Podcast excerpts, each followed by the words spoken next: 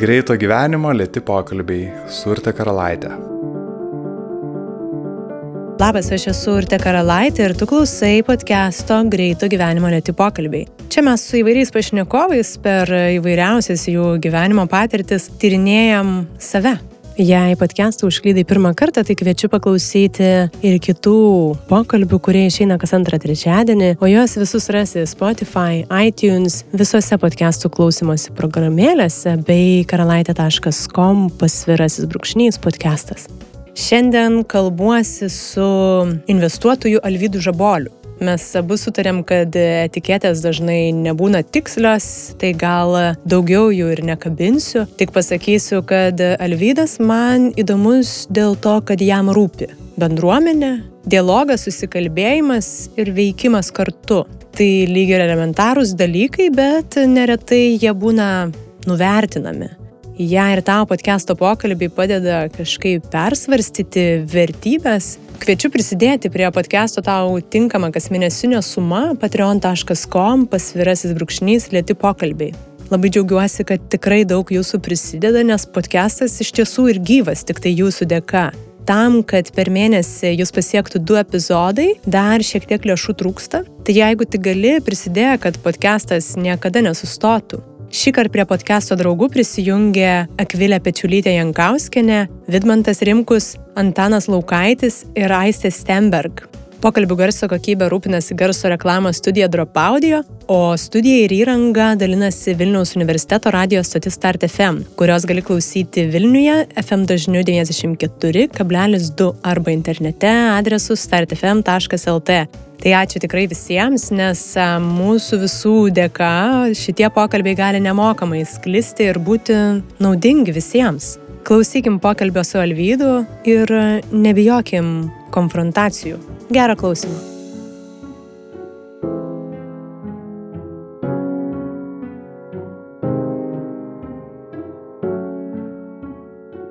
Vos prieš valandą sėdėjau vienoje Vilniaus kavinių ir prie gretimą staliuko nori, nenori teko išgirsti dviejų vyrų pokalbį. Vienas pasakoja apie šį savaitgalį Vilniaus jazz ir Brian Eno, Philip Glass koncertus ir kad jie visi be neišparduoti. Ir jie abu sutarė, kad e, Lietuvos ekonomika žiauriai pakilusi, cituoju šitą žodį, ir tai yra rodiklis jų nuomonė. Tai ar galima pagal kultūros populiarumą, perkamumą, geidžiamumą matuoti šalies gerovę?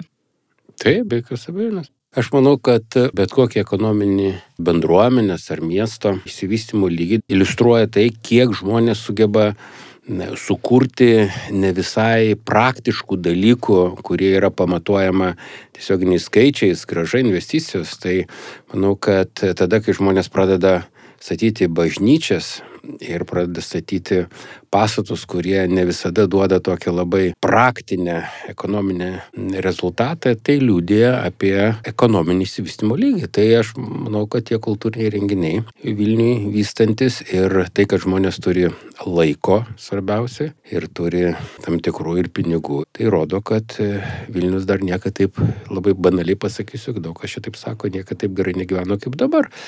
Bet ne tik kultūriniai renginiai. Jeigu mes mėgintumėm įvertinti, pavyzdžiui, būsto jaunai šeimai įperkamumą arba galėjimą turėti ir gyti, tai mes be jokios abejonės e, esame vienos iš geriausių pozicijų visoje Europoje.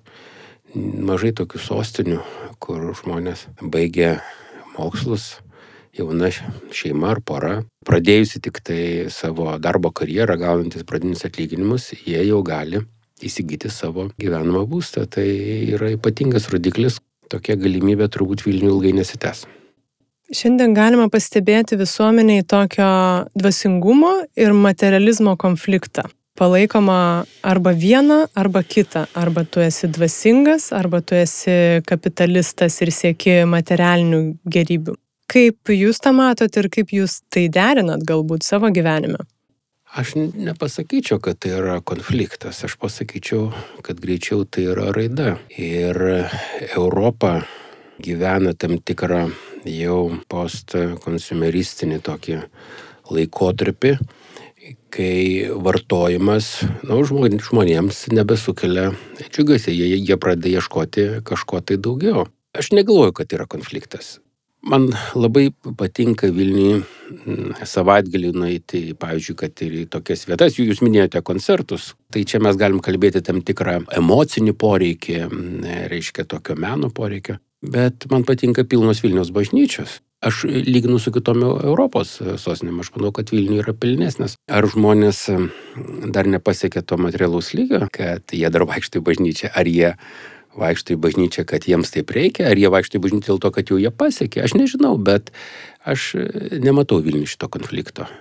Gal yra kitose sostinėse, aš manau, kad Vilniui gražiai deri. Jau nuo pat ankstyvos nepriklausomybės e, esate verslo srityje. Na, nepaslaptis, kad verslas visgi ne tik e, skaitinių tikslų siekimas ir tai yra, na, aš taip norėčiau įvardinti, nuolatinis dialogas.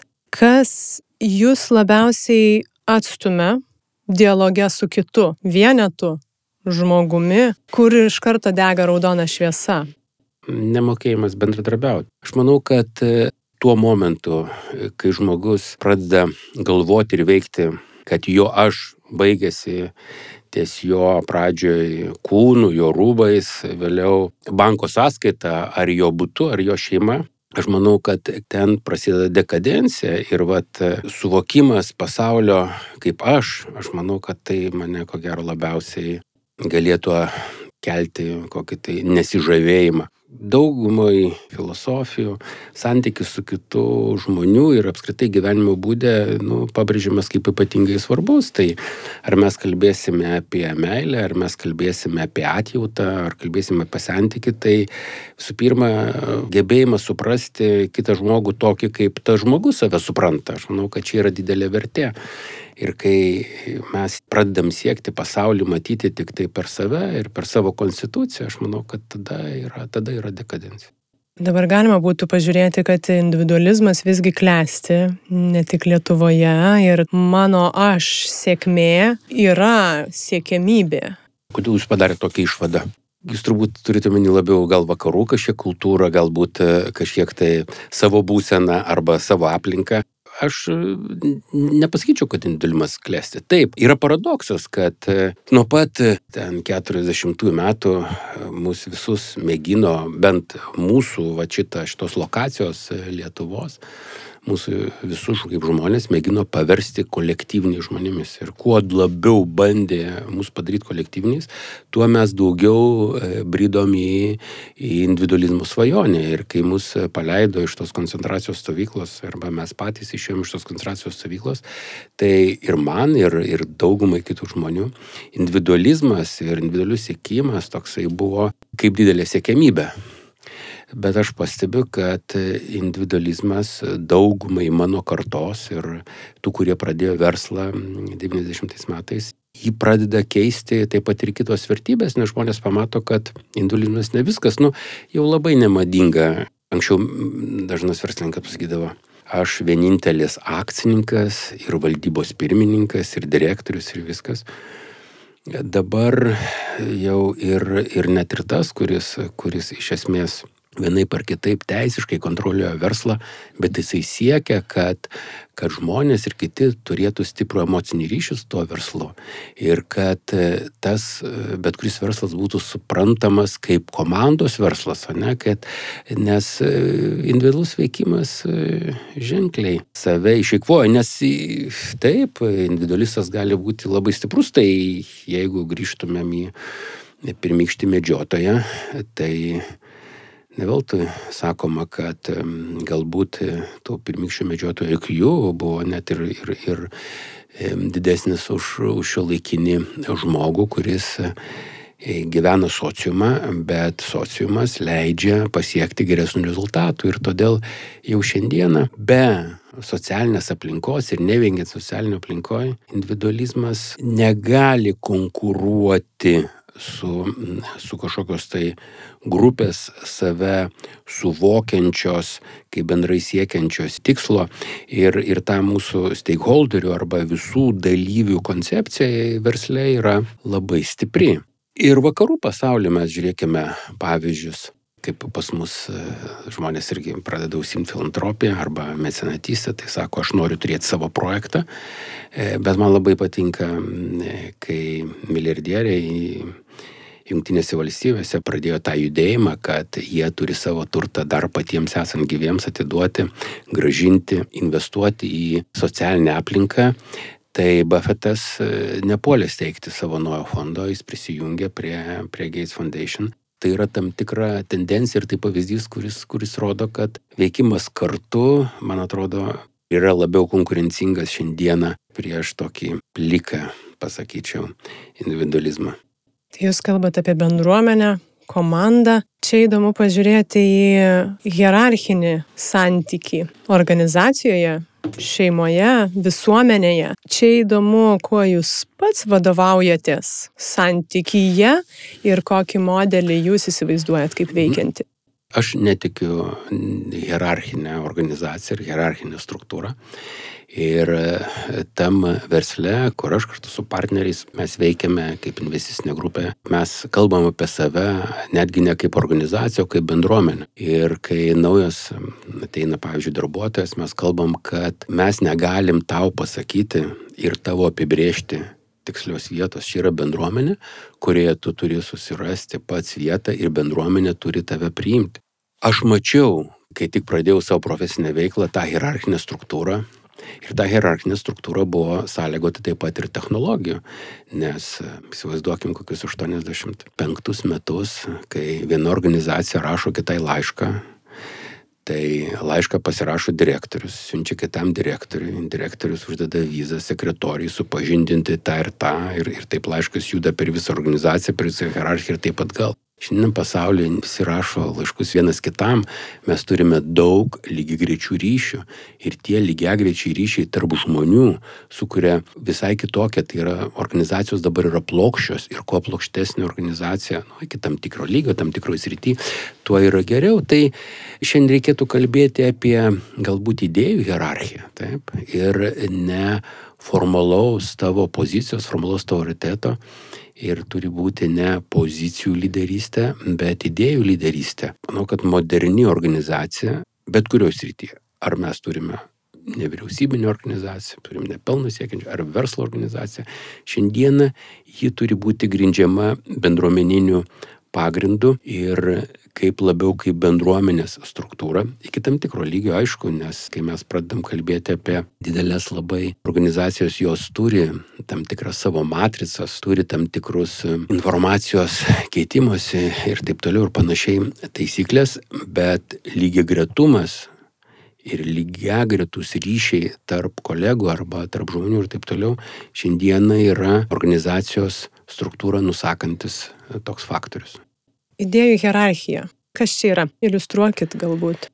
Anksčiau tam, kad realizuoti kažkokią savo idėją, mes turėdavom ženkliai mažiau galimybių, nes buvo e, monopolis informacijos, nes informacija buvo e, ženkliai mažiau prieinama e, plačiam ratui žmonių, resursai buvo ženkliai labiau, buvo didesnis informacijos monopolis, resursų monopolis. Taip toliau. Šiandieną šitie du monopoliai pamažu nyksta. Todėl žmogus turintis idėją, jisai turi ženkliai daugiau galimybių ją realizuoti.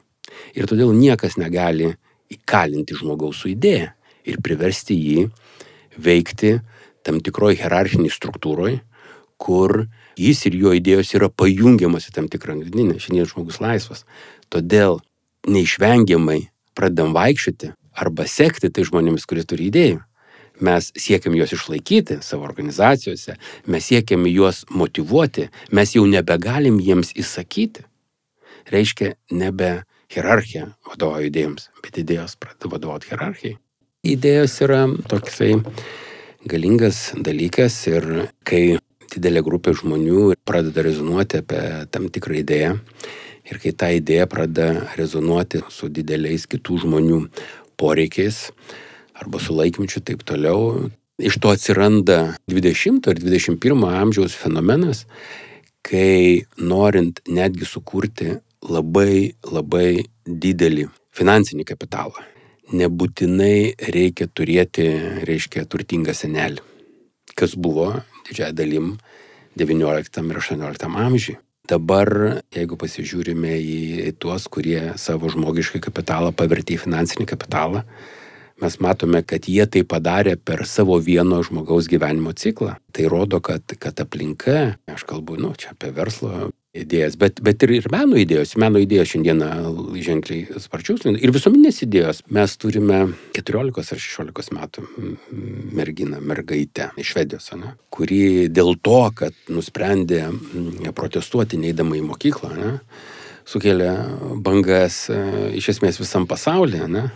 O ką tai reiškia ir idėjos sklidimo greičius? Šiandien idėjos sklidimo greitis yra labai didelis. Ir šiandieną mes, reiškia, Galim nebūtinai būti New York'e, nebūtinai galim būti Londone. Mes galim savo vaizduotės gale, tą mėgindami suvokti visą pasaulį ir ten kurti idėjos, kurios rezonuos visam pasauliu.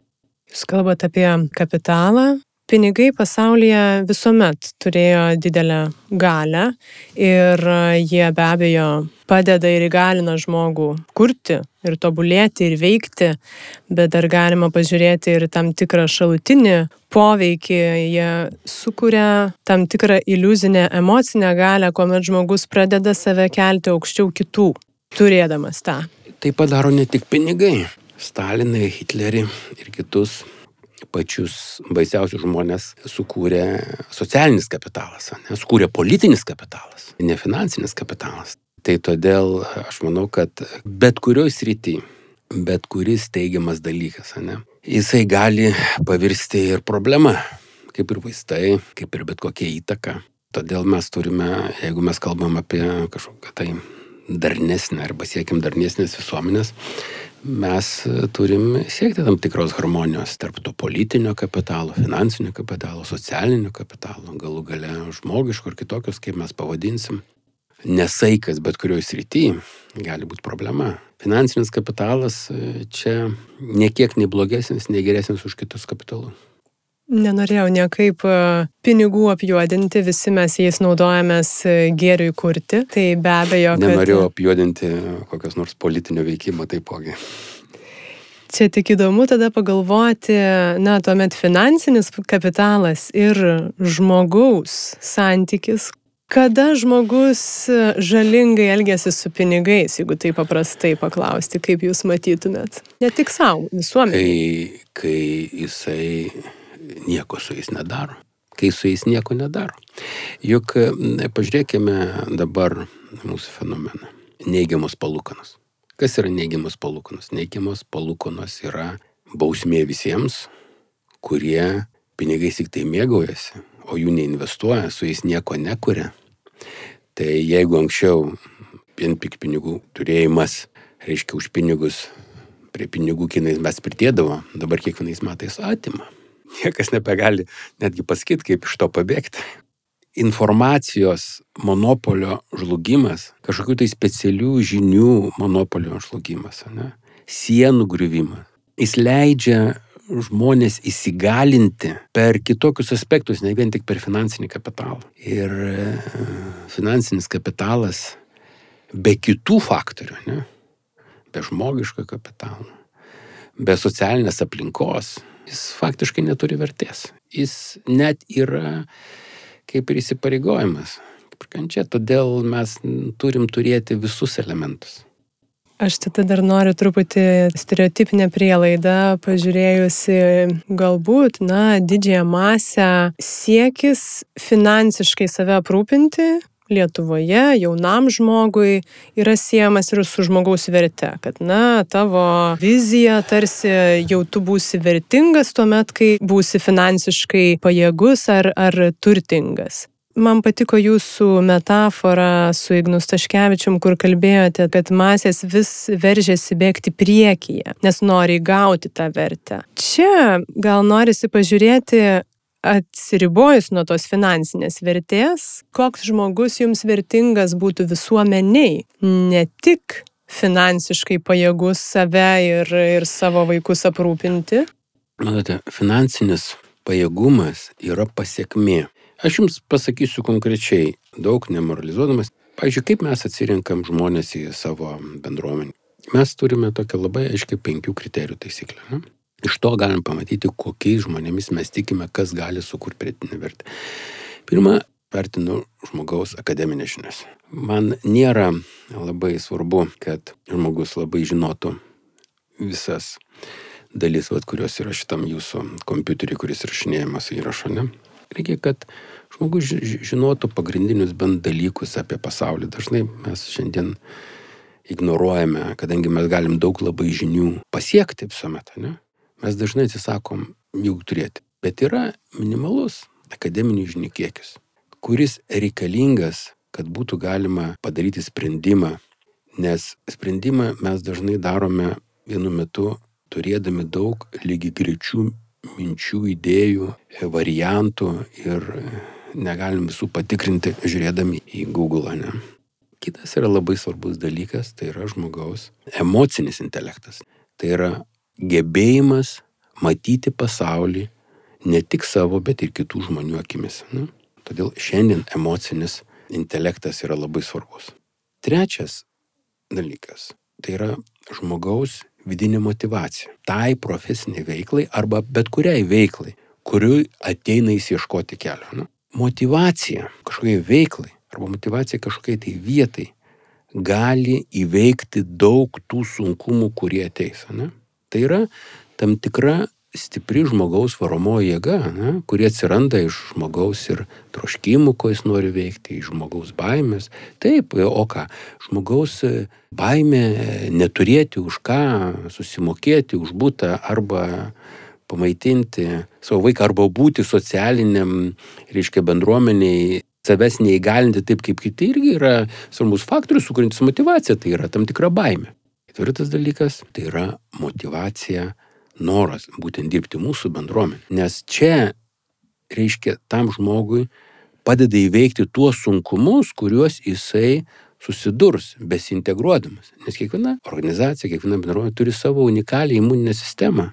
Ja reikia įveikti, ne visada būna lengva. Penktas dalykas. Žmonės neturi būti visi vienodi. Ir yra labai blogai kai surinkam komandą, organizaciją iš tokių vienodų, ne, nes tai vienodai masto, jie visi daro vienodas klaidas, taip toliau.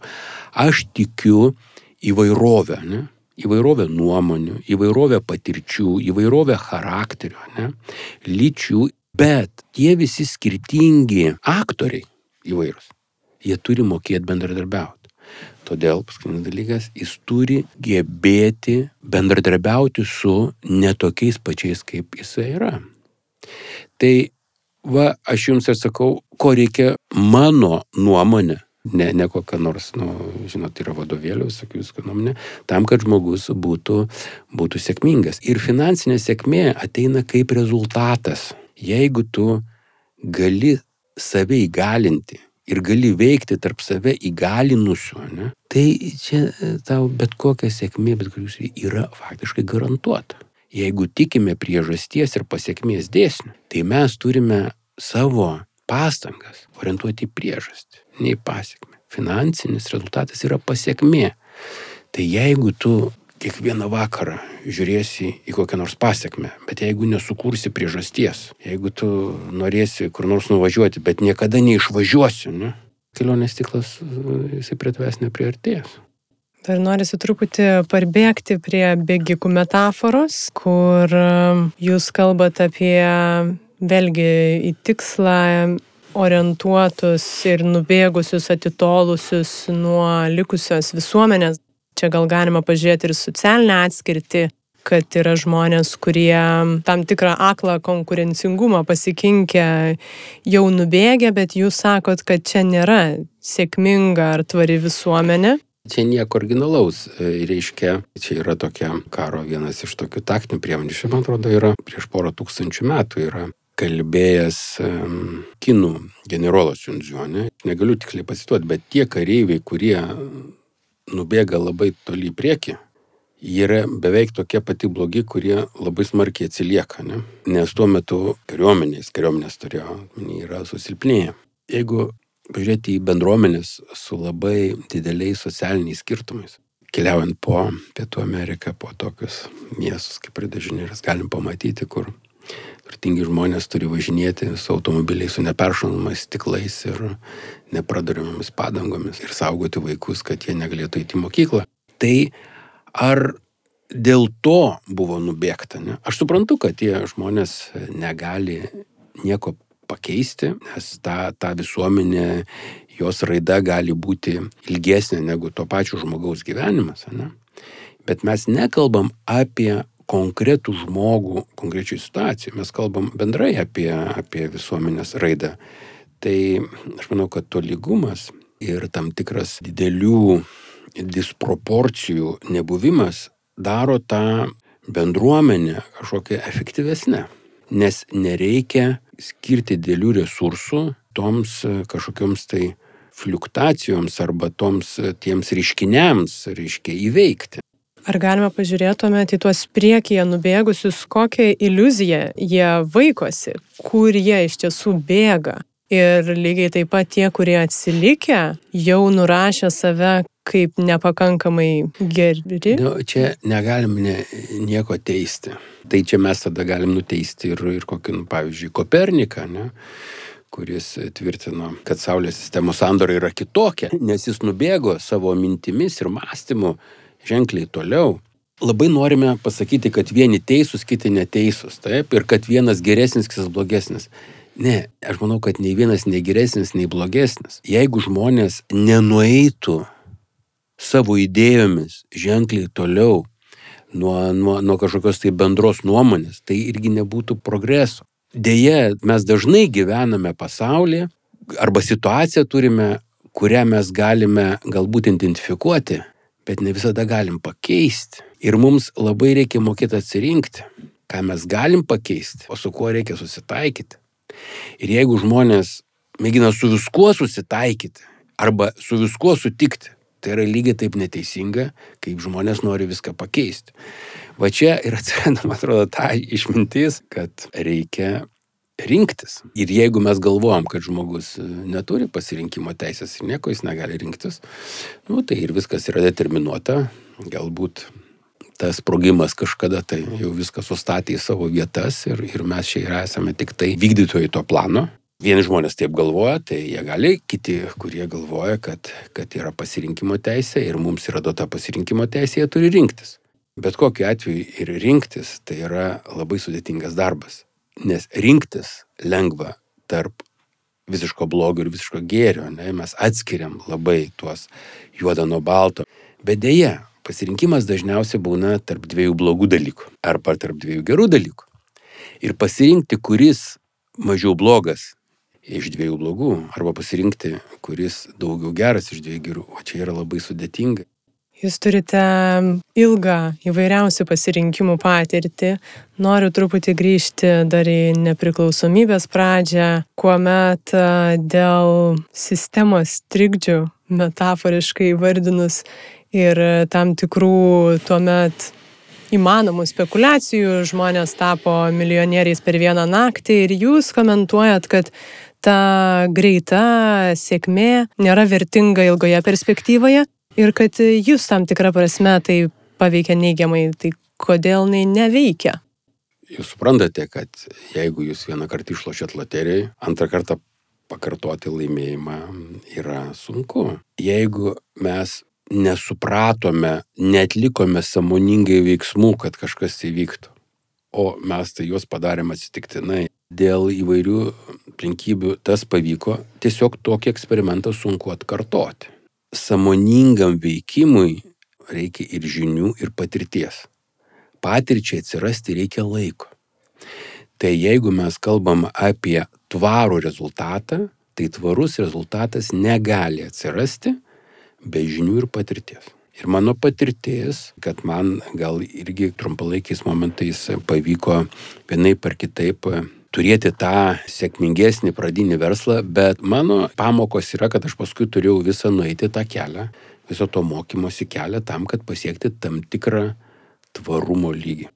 Tai jūs sakot, kad ta trumpalaikė greita sėkmė nėra tvari ir vertinga. Kas jums šiandien yra sėkmė labai plačiaja prasme? Vienas žmogus prieš keletą metų man pasakė, sako, sėkmė yra tada, kai kiekvieną rytą gali pasivaikščioti porą valandų ir suvalgyti grikių košės. Va čia yra sėkmė. Sėkmė yra tokia, aš manau, kad pervertintas dalykas. Yra tam tikra mm, iliuzija.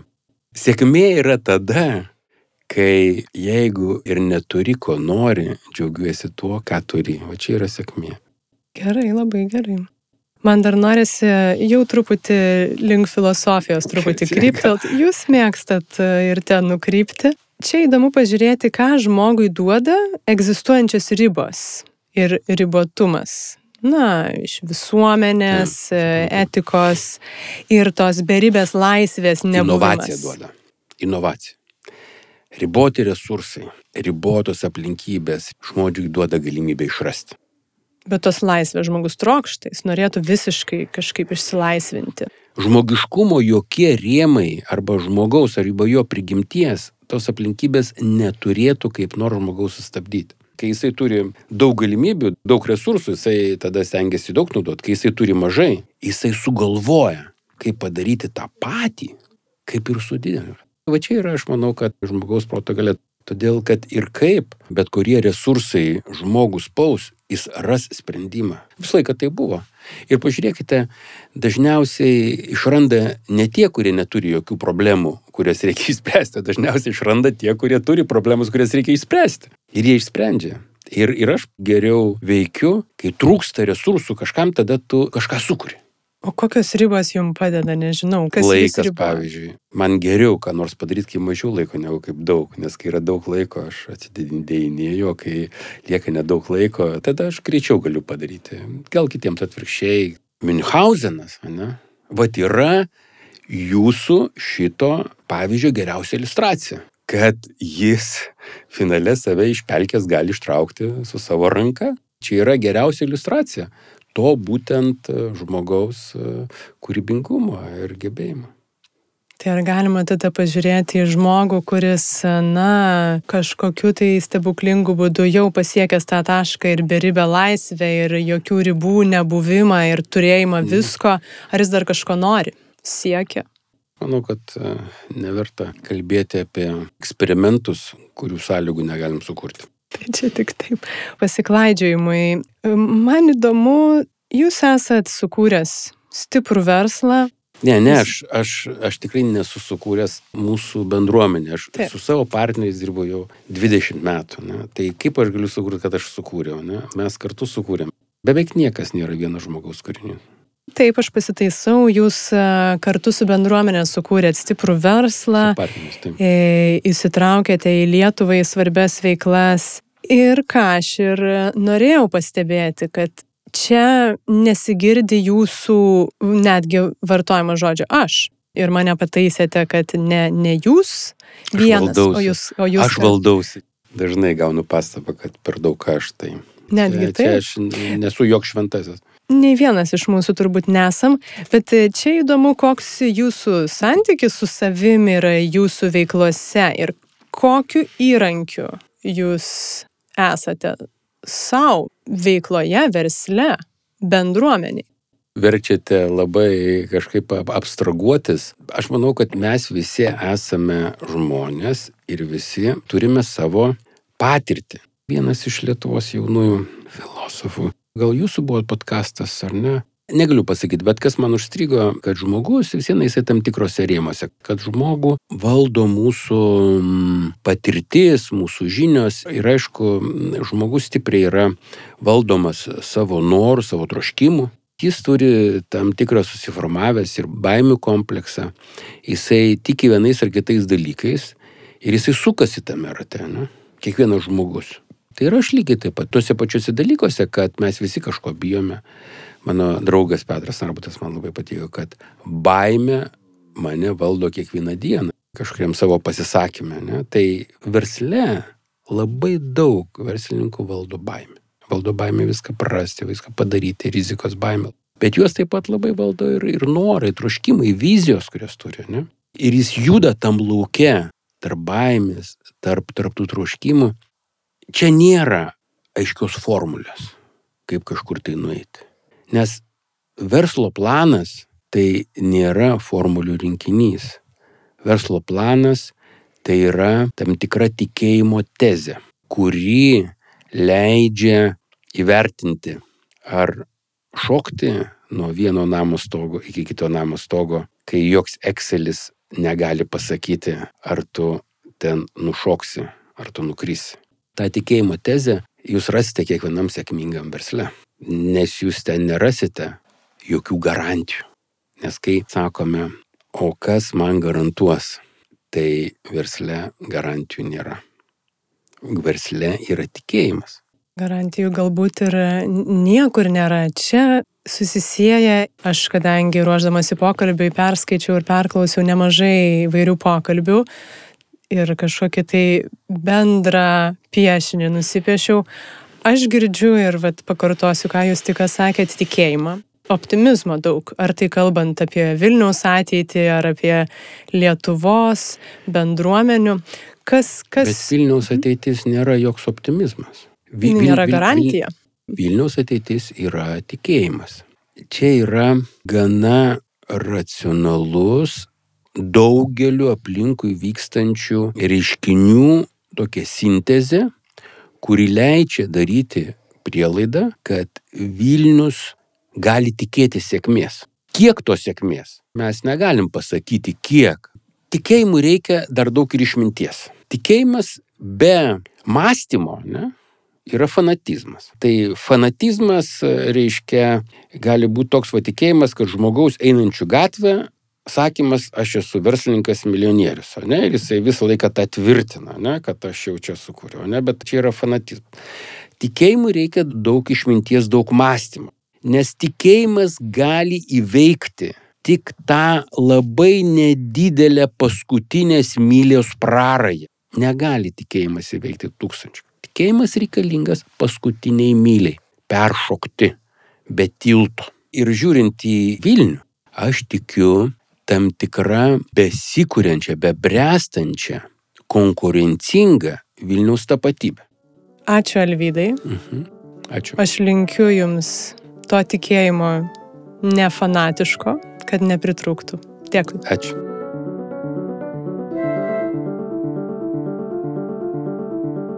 Ačiū, kad klausėtės. Po šito pokalbio man tikrai norisi pergalvoti individualaus darbo formatą, kuriame gali būti, kad esu šiek tiek užsisukusi.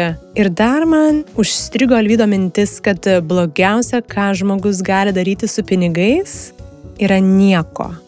Jei nenori praleisti naujų epizodų, tai e, sek podcastą Instagram ir Facebook paskiruose arba prenumeruok jį visose įmanomose audio platformose.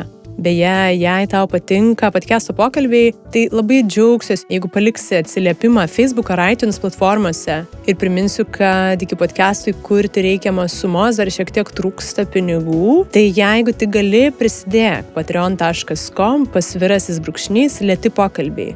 O jei šiandien negali prisidėti finansiškai, kas yra visiškai tvarkoje, tai pasidalink tau labiausiai patikusių pokalbių socialiniuose tinkluose, nes tai tikrai jau labai didelis prisidėjimas. Podcastas įrašytas Vilniaus universiteto radijos stoties Start FM studijoje, o Start FM gali klausyti Vilniuje FM dažniu 94,2 ir internete adresu startfm.lt. Ačiū visiems, neužsidarykim savo ribotose dėžutėse, kurkim kartu. Su jumis podcastas Greito gyvenimo lėti pokalbiai yra Šurte Karalaitė. Iki kitų kartų.